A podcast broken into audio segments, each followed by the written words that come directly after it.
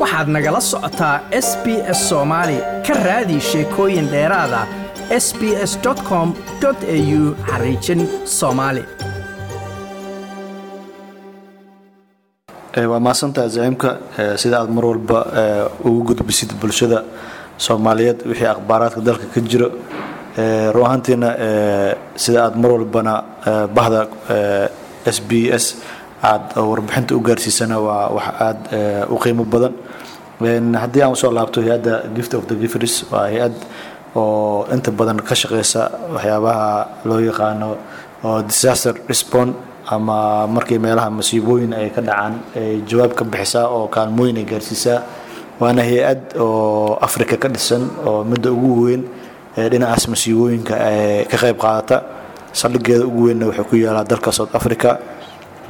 Waana hay'ad xarumo oo ilaa iyo afartan iyo labo wadanna ka shaqeynaysa soomaaliya waxay soo gashay labada kun iyo koo iyo tobankii xilligii abaaraha aadka dalka ugu jireen. Waxay ka qayb qaadatay gurmadkaasi. Waxaa halkan yimid khubaro caafimaad oo dalka south africa ka tirsan. Waxaa yimid madaxdii ugu soreysay hay'adda gift of the gifris xarumihii oo markaas oo dadka lagu xanaaneynayo ama lagu soo dhaweynayay gobollada maadaama ay abaaro badan ka jireen oo dadka dhanna magaalada muqdisho iyo hareeraheeda ay isugu yimaadeen waxay ka qayb qaadatay furista kaamam lagu qoodinayo dadkaas barakacyaasha ah. Waxay ka qayb qaadatay inay u sameyso celal biyoodyo ruahaantiina muddooyinkaas waxay aada uga qayb qaadanaysa. Waxaa ka mid ahaa gaarsiinta dadka tabaaleysan barakacyaasha cunooyin kala duwan. Ruahaantiina ilaa xilligan aada arkayso hay'adda waxay ka qayb qaadanaysaa sida ay barakacyaasha iyo goobaha ay gobollada fatahadyadu ka dhacaan iyo iyo abaaraha ayay gurmudii u fidisaa meelo badan oo gobollada ahna ay ka howlgashaa si gaaraana magaalada muqdisho iyo nawaaxigeedana xerooyinka qaxootiga ama dadka soo barakacayna aaday gacan weyn ugu geysataa raashin iyo waxyaabo kale oo markaas dadkaas barakacyaasha muhiimku ahana waa laga gacansiiyaa marka qaababkaas ayay hay'addu u howlgashaa waxyaabaha markaasi aad ka shaqaysaan oo hay'adda marka ay qabato ma in cunno markaasi bisil miyaa la qaybiyaa mise cunno markaa ceyriina la qaybiyaa ma jiraan waxyaaba kale markaasi sida dawooyinko kale waxyaala kale marka aad siisaan dadka markaa taag daran. Ruaantii waxaa jirto laba qaabba waa loo kala siiyaa. Dadka markay barakacyaal yihiin oo meel ay ka yimaadeen waxaa laga yaabaa inay ayagoo fara badan oo waxbaana haysan soo hayaamaan. Isla markay yimaadaan dadkaas waxaa waaye waxaa la siiyaa waxyaabaha oo degaankooda oo ka caawinaya hama noqoto maacuun ha noqoto ha noqoto cunno ceerin ha noqoto kuwa qaarkoodna xarumo oo quudin ayaa loo sameeyaa oo quudintaas ayay wax ka helayaan. Waxaa kaloo jirto tasiilaad kale oo markaas guri ahaan macnaha wax ugu anfici kara in loo sahlo. Marka qof soo barakacay oo boqolaal ama dad aada u badan markay yihiinna waad dareemi kartaa waxyaabaha daruuriyaadkooda ugu baahnaa markaas laga caawiyaa. Marka labadaas qayb ba isugu jiraan ha noqoto maacuuntii ha noqoto cunno bisel ha noqoto cunno oo mataqaanaa oo qalalan. Intaba waa la gaarsiiyaa marka ay barakacyaasha soo yimaadaan waa tahay marka laga soo tago magaalada muqdisho caasimada dalka oo hay'addu marka hadda ay degan tahay marka ay ka howlgasho dad aad u fara badan oo tubaalaysan ayaa ku dhaqan oo barakacyaala sidoo kale gobollada dalka ayaa aad markaasi dadka hadda tusaale ahaan abaar daran ayaa marka laga soo sheegaya gobollada dalka marka muqdisho marka laga baxo. Marka hay'addu meel ma tallaabtay magaalada caasimada halkees ka mid a goobaha markaasi ay ka shaqaysay ee ka baxsan muqdisho ruaantii hay'adda mar walba waxaa xooga ay saarta maaha magaalada muqdisho oo keliya gobollada inta badan xooga ayay saartaa ha ugu badnaatay gobolka shabeellada dhexe ama meesha aad taqaanaan maamul goboleedka hirshabeelle iyo nawaaxigeeda magaaladan muqdisho iyo nawaaxigeeda gobollo qaarkoodna waxaa gaarsiinaa. Hadda marka laga soo qabto abaarihii ugu dambeeyey goboladan gado iyo hareerihiisa ay ka dhacayeen waxaan kala qayb qaadanay oo kaalmadaas dhinacan ka gaarsiinay oo diyaarada xitaa loogu daabulay magaaladan johor. Sidoo kale gobolka gadina saas oo kale diyaarada ayaa lagu geeyey annagoo kala qayb qaadanayna hay'adda maareynta masiibooyinka ay wasiirka tahay marwo khadiijo marka taas ayaan uga qayb qaadanaa annaga wada shaqeyn fiicanna waanu leenahay hay'adda gargaarka iyo maareynta mas'uuliyooyinka dowladda federaalk soomaaliyeed.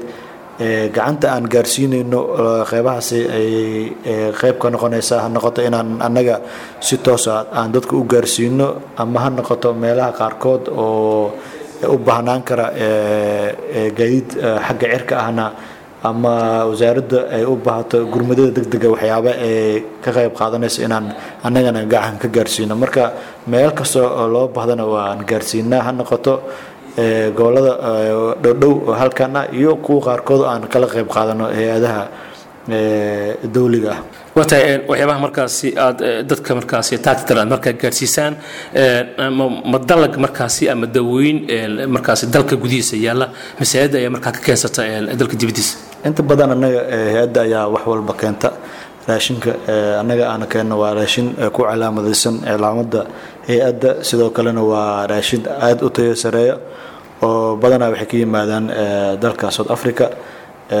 Run ahaantiina sidoo kalena raashin keliya kuma eka waxyaabaha aan siinayno. Waxaa jirto oo team oo caafimaad ama outreach oo medical team oo ay leedahay hay'adda oo gargaara caafimaad fidiya oo xarumaha barakacyaashana taga oo daawooyin siiya baaris u sameeya.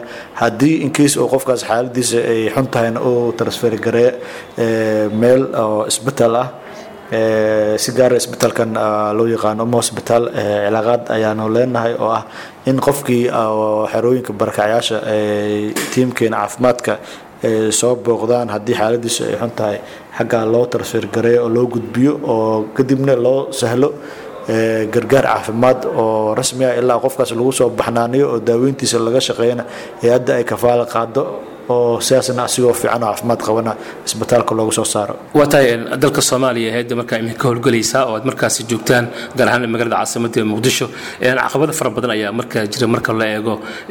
Hay'adda markaasi dalka ay ka howlgasho waa sidee xiriirka markaasi hay'adda kala dhexeeya marka loo eego? Wasaaradda caafimaadku caafimaad ahaan marka ka shaqaysaan iyo wasaaradda gargaarka iyo arrimaha markaasi abaaraha iyo masiibooyinka. Xiriirka leedihiin ka waran ma jira ma jirtaas wax caqabad marka la kulanteen ruaantii annaga cilaaqaadkeena waa cilaaqaad wanaagsan hay'adaha dooliga iyo dhammaan si wanaagsan oo nidaamka sharciga dooliga waafaqsan ayaan kula shaqeynaa.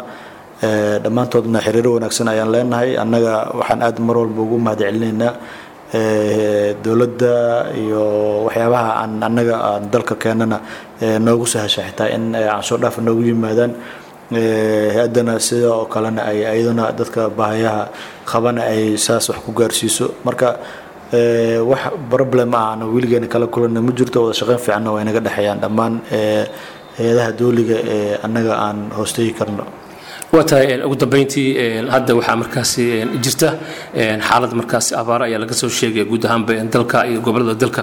Maxaa hayadda giftis markaasi ama gift of the gifers kaga qorshaysan in marka ay gacan ka geystaan abaaraha iminka dalka tahay. Ruaantii mar walba laga shaqeeyaa. Hadda wiigana ujeedo dhowr oo xarumo oo nawaaxiga magaalada muqdisho ayaa jirto oo barakacyaal soo gaareen waa deg deg ayaa gurmud loogu fidiyaa oo waxyaabaha tashiilaadka ay u baahan yihiin ayaa gacanta loo geliyaa oo raashin ha noqoto ha noqoto. Waxyaabaha ay ka gaashaaman lahaayeen dhaxanta iyo hoyga ahaan ay ugu samaysan lahaayeen. Kaam hadda aan u adeegnay ay jirtay kaam loo yaqaano malable kaam kale oo sidoo kale loo yaqaano yaaqle oo ku kala yaalla dhinacan gasbaaley iyo dhinacan daynile oo xarumo oo weyn oo hay'adda mar walbana gacanta ku haysa ay ku jirto oo dadka soo barkacay hadda ugu dambeeyey halkaas gurmudka loo fidiyey marka wiigan keliyaan dhowr mar ugu shaqeynay dadkaas.